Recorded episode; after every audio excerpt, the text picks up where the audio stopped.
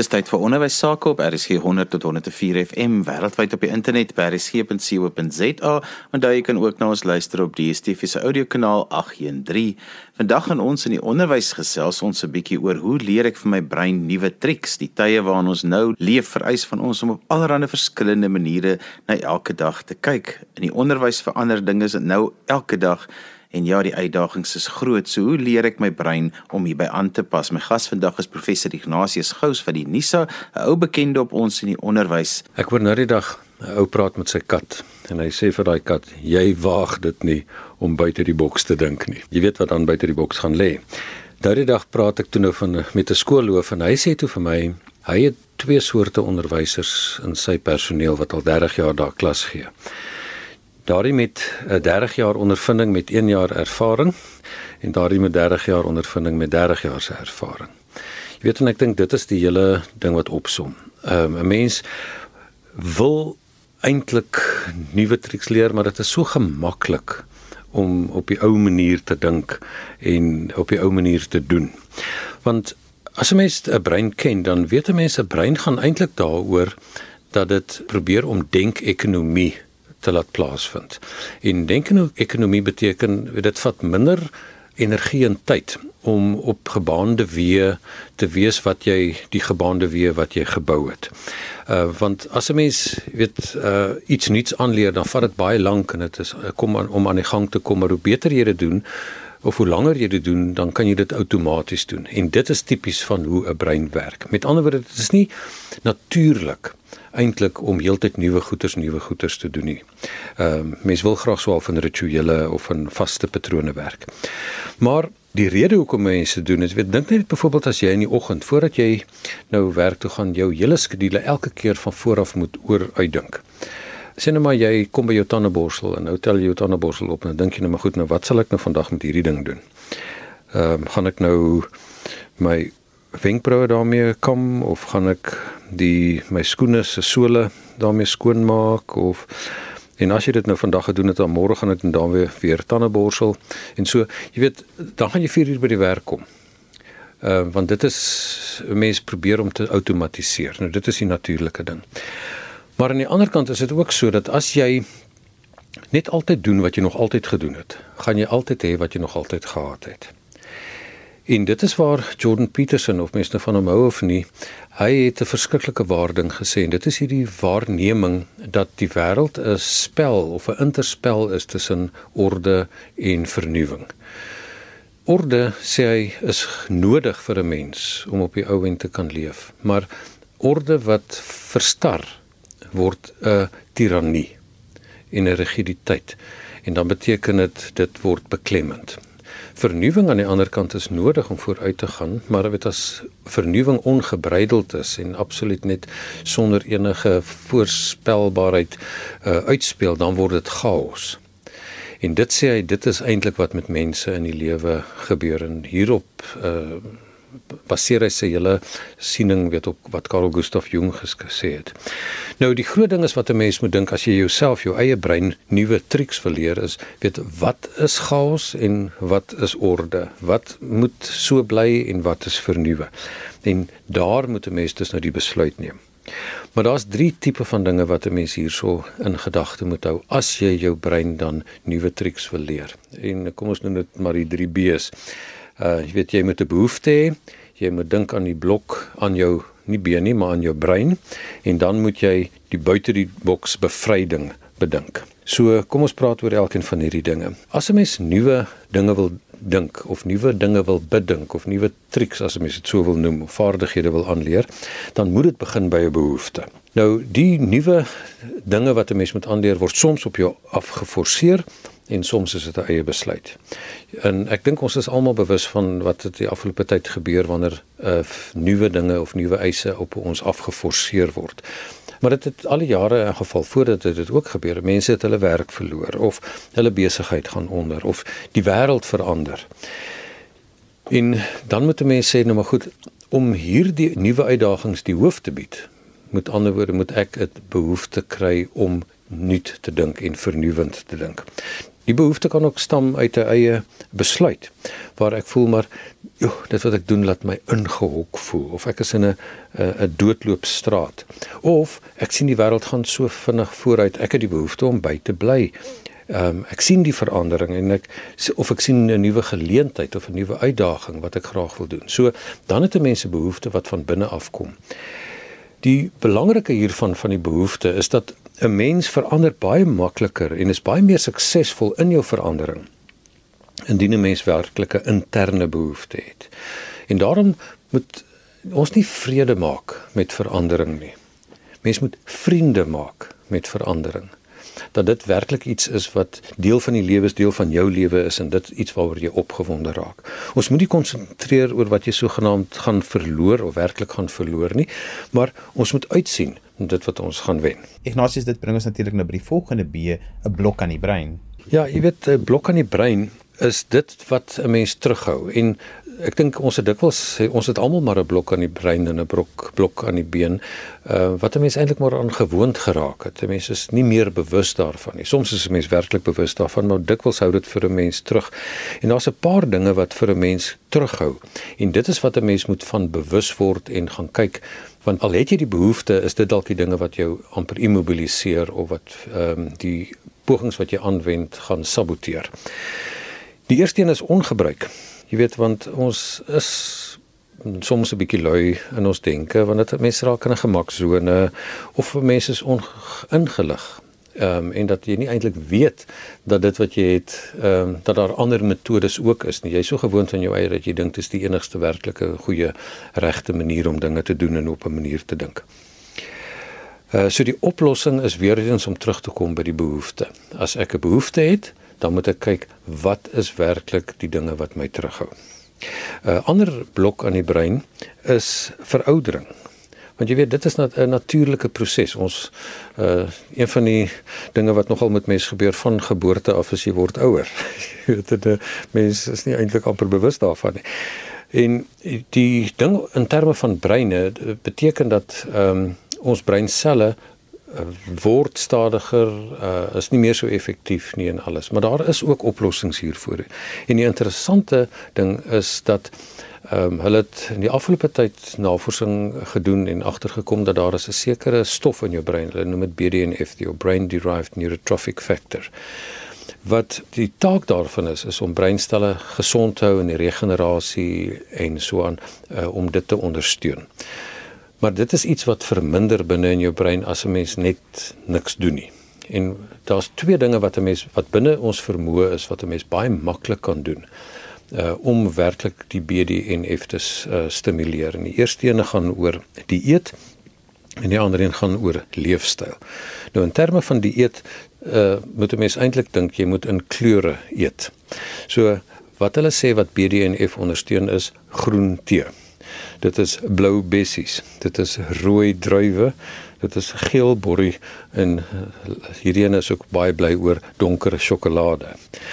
Jy weet dan verder wat 'n mens kan eet is die vis, maar jy weet dit is die fatty fish soort.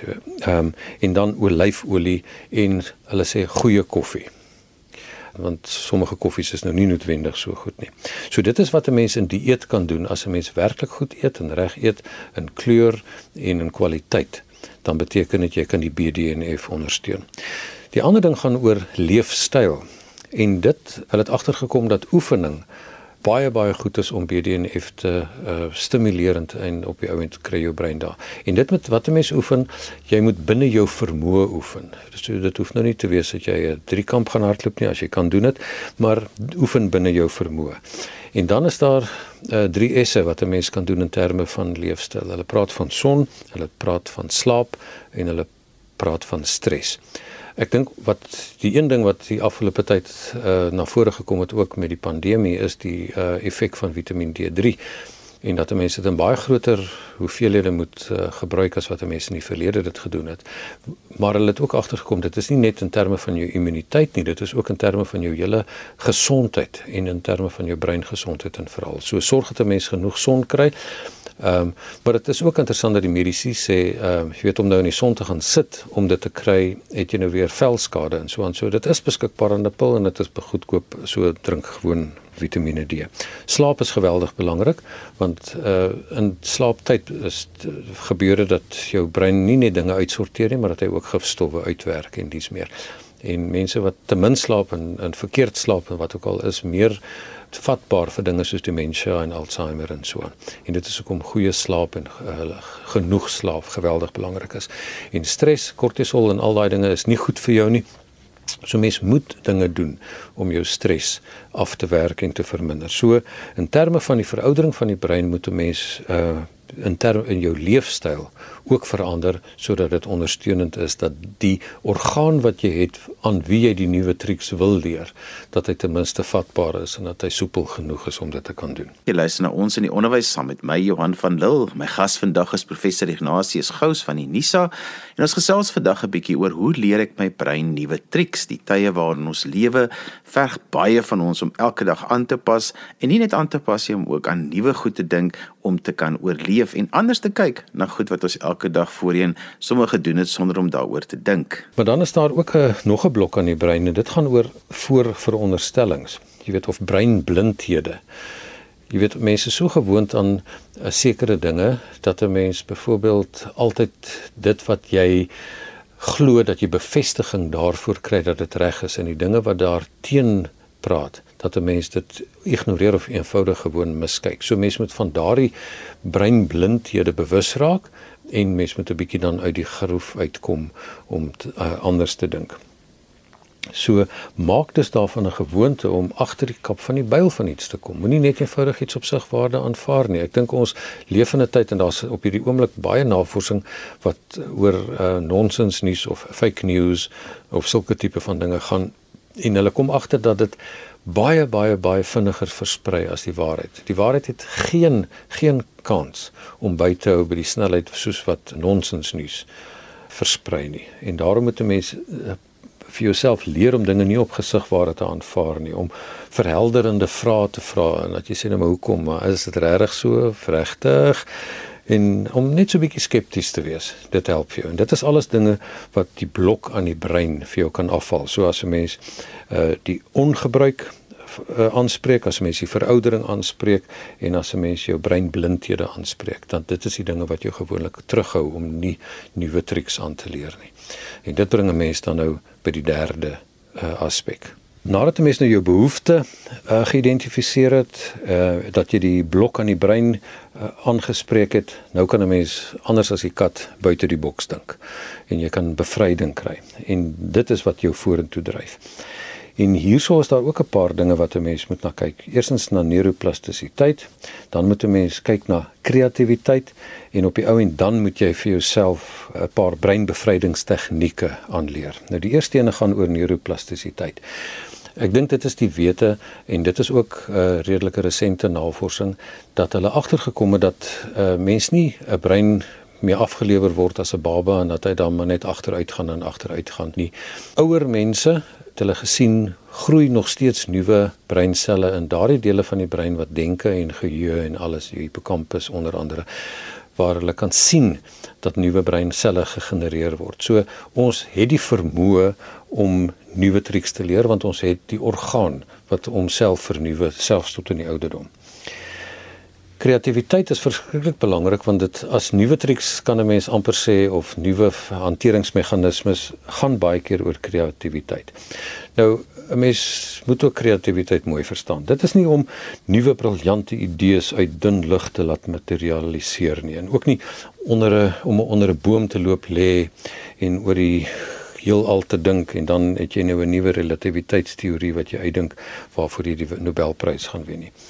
Sogenaamde kreatiwiteitskenners praat dikwels daarvan dat dit is iets wat 'n mens net jou gedagtes vry moet laat loop en hulle uh noem die voorbeeld van 'n skuifspeld waar hulle nou vir kinders 'n skuifspeld gee en sê okay dink wat waarvoor mense hierdie goeders alles kan gebruik en dan gee hulle dit nou vir meer volwasse mense. En dan die kinders kom met baie meer idees na vore as wat die volwassenes dan sê hulle kyk nou net wat is die negatiewe invloed van onderrig en hoe beperkend die skoolstelsel op 'n mens inwerk en alles. Maar dit is louter nonsens. Want ehm um, dit gaan weer eens oor breinekonomie. Is dat as jy soos ek met die oor die tandeborsel gepraat het, elke keer as jy 'n skuifspeld optel en eers dink watter 200 voeters meer dit kan doen voordat jy op die ou en die papiere aan mekaar sit waarvoor jy dit gedoen het, dan beteken jy gaan nooit jou werk klaar kom nie. Dit is nie wat kreatiwiteit is nie. Die kreatiwiteit wat werklike kreatiwiteit is, is wanneer 'n mens twee of meer velde waar 'n mens werklik uh wat jy bemeester het en wat jy goed ontwikkelde kennisstrukture oor elkeen van hulle het en met ander woorde diep diep kennis het dat 'n mens hulle met mekaar in verband stel en dan met unieke verbande lê wat vir jou tot nuwe oplossings uh, lei. Jy weet en ek bedoel ek het nou gepraat van 'n ou wat onder 'n boom lê en dink oor die heelal. Dit is die storie wat van Einstein vertel word, hoe hy die relativiteitsteorie. Maar jy weet as ek onder die boom lê en gaan dink daaroor, gaan ek relatief niks uitdink nie, want ek het nie sy fisika kennis en agtergrond nie, maar omdat hy 'n baie gevestigde kennisstruktuur en 'n bemeesterde kennisveld gehad het, dit is hoekom hy dit kon doen. En dink nou maar aan iemand soos Elon Musk wat gegaan het en gesien het maar ehm um, joh om 'n vuurpyl elke keer in die lug op te sit en daarna weet gooi hom weg. Uh dit maak nie sin nie. Dis hoekom dit so duur is. Dit is amper soos om van uh, Over Tambo na Londen toe te vlieg met 'n uh, Airbus 380 en as jy daar kom, gooi jy die vliegtyg weg. Weet en dis hoekom hy gedink het nou maar goed, hoekom kan ons dit nie hergebruik nie. So maar hy het 'n diep kennis gehad van al hierdie tipe van dinge en toe kon hy by kreatiewe tipe van uitkom en hy het dus sy brein nuwe triks geleer omdat hy bestaande gevestigde en uh bemeesterde kennisstrukture gehad het maar toe het hy goeders bymekaar gesit. So dis die tipe van ding waar jy buite die boks dink en bevryding kry. Maar nou goed, as 'n mens nou hierdie bevryding wil kry, watter bevrydingstegnieke het 'n mens? Prakties beteken dit dat jy vir jou 'n selfdoen leerplan moet opstel. En dit kan jy doen deur kom ons sê dink nou net eers so 'n bietjie. Uh wat in jou leefwêreld het die afgelope tyd regtig baie verander? Wat het uit jou omgewing verdwyn? Of wat is weggeruk uit jou omgewing uit? En watter aspek van jou lewe word hierdeur beïnvloed? En dan moet jy nou dink, wat kan jy doen om dit aan te spreek? As ons nou byvoorbeeld dink in terme van onderrig. Die grootste verandering die afgelope tyd wat die sê maar die pandemie op onderrig gehad het was op kontakonderrig dat dit baie bemoeilik het of dit selfs onmoontlik gemaak het. En die gevolg is dat mense noodafstandsonderrig begin toepas het. Wat hulle eintlik maar gedoen het, hulle het lesings agter glas of agter 'n skerm geplaas. Want jy weet onderrig het vir 'n eeu, min of meer 'n eeu omtrent dieselfde gebly. Net almal het in 'n klas gestaan, gekom en in rye gesit en daar was iemand wat gepraat het voor en ouens wat aan die ander kant geskryf het. Nou dit het so 'n bietjie verander hier en daar en tegnologie het goeters verander. Jy weet en dit was ook nie net sleg nie want ek bedoel al die onderrig of al die nuwe uitvindings wat die afgelope tyd ontdek het is die gevolg van daai tipe van onderrig. So dit mens kan nie net sleg daarvan praat nie. Maar dit was min of meer dieselfde en nou is ons gedwing om skielik te verander. So nou wat gaan 'n mens op die ouend doen? Wat het ons nodig om te leer om hierdie tipe van verandering te kan uh, bestuur, te behartig, te bemeester? Tegnologie is 'n maklike een. Maar as jy mens nou verder dink, wat van die sielkunde van selfgerigte onderrig? Want as jy nou dink daar sit 'n kind uh of 'n student alleen en wat moet hy of sy doen? Wat moet wat moet ons vir hulle leer om dit op die ou en self te kan doen? Wat is die invloed van eensaamheid? of van uh baie moeilike omstandighede? Of hoe kan 'n mens hulle gemotiveerd hou om werklik op hulle eie te wees? En hoe kan ek op so 'n manier onderrig dat dit vir hulle gemotiveerd bly? En uh, as hulle terugkom in die klas weet dit is dieselfde tipe vrae wat 'n mens moet vra die hele ding van wat is effektiewe leer ensovoorts ensovoorts. So jy kan sien as 'n mens kan sien hier is die tipe van veranderinge wat plaasgevind het en waaroor ek nou begin dink, weet hoe kan ek dus vir my 'n selfdoen leerplan opstel om hierdie tipe van vrae aan te spreek en om kundig daaroor te word sodat ek 'n kennisstruktuur het uh en verskillende kennisstrukture het om op die ou end te sê, maar dit is wat ek gaan doen. So, indien jy jou brein nuwe triks wil leer, moet jy iets nuuts leer en dit doen jy deur 'n selfdoen leerplan op te stel. En daar is 'n paar beginsels. Die eerste een is sien uit na hierdie nuwe avontuur. Weerens mens moet nie kyk op wat jy verloor het nie, jy mens moet kyk op wat jy kan wen hierdeur. Die tweede ding is gaan identifiseer die sê nou maar die drie belangrikste aspekte van wat jy aandag aan moet gee om hierdie nuwe uitdaging die hoof te bied. En dan die volgende ding is wat jy moet doen, gaan identifiseer kundiges en bronne en veral medeleerders saam met wie jy die pad kan stap. Dan moet jy 'n uh, leesskedule opstel om dit te doen. Weet wat gaan ek lees op die internet? Wat gaan ek lees op my foon? Wanneer gaan ek dit lees? Gaan ek dit lees terwyl ek op my bed lê in die aande of gaan ek 'n uh, tyd afsonder in die dag? Maar jy moet aktief lees. Jy weet en dit is nie net vandag wat 'n mens moet doen nie. Die interessante is dat kennis vermeerder soveel dat hulle sê 'n ingenieur wat in die baie goeie Duitsland uh, vandag afstudeer moet 5 en plus ure per week studeer net om by te hou by die uh, veld waar hy sopas in afgestudeer het. So die uh, ons moet dit in elk geval almal doen Die volgende ding wat 'n mens moet doen, besluit hoe jy dit wat jy leer gaan toets en uitprobeer. Want dit help nie net om reseptief te doen nie, mens moet ook ehm uh, die dinge wat jy uh, ontvang, moet jy op jou ouend gaan toepas en uitprobeer en kyk wat jy werk. En in die uitprobeer en werk gaan jy foute maak. So jy moet ook besluit hoe gaan jy foute identifiseer, aanspreek, hanteer en op jou ouend regmaak, want niemand maak nie foute. As jy nie foute maak nie, dan doen jy niks nie. En dan moet jy op jou ouend ook dan sê deel wat jy doen en op en doen jou ding. So, jy moet uitsien, gaan identifiseer wat jy moet doen, identifiseer mense saam met wie jy dit doen. Kyk hoe jy dit self gaan doen op 'n skedule, kyk hoe jy dit gaan uitprobeer, hoe gaan jy foute regmaak en op jou ouend hoe gaan ek dit deel met ander mense. So, dit is nie net dat 'n mens jou brein nuwe triks kan leer nie. Jy moet eenvoudig doen om te kan leef en te oorleef. En dit is nie net moontlik nie, dit is aangenaam. Dit is deel van die lewe. So dink aan jou behoeftes, wees bewus van die blok in jou brein en dan verwesenlik jou buite die boks bevryding.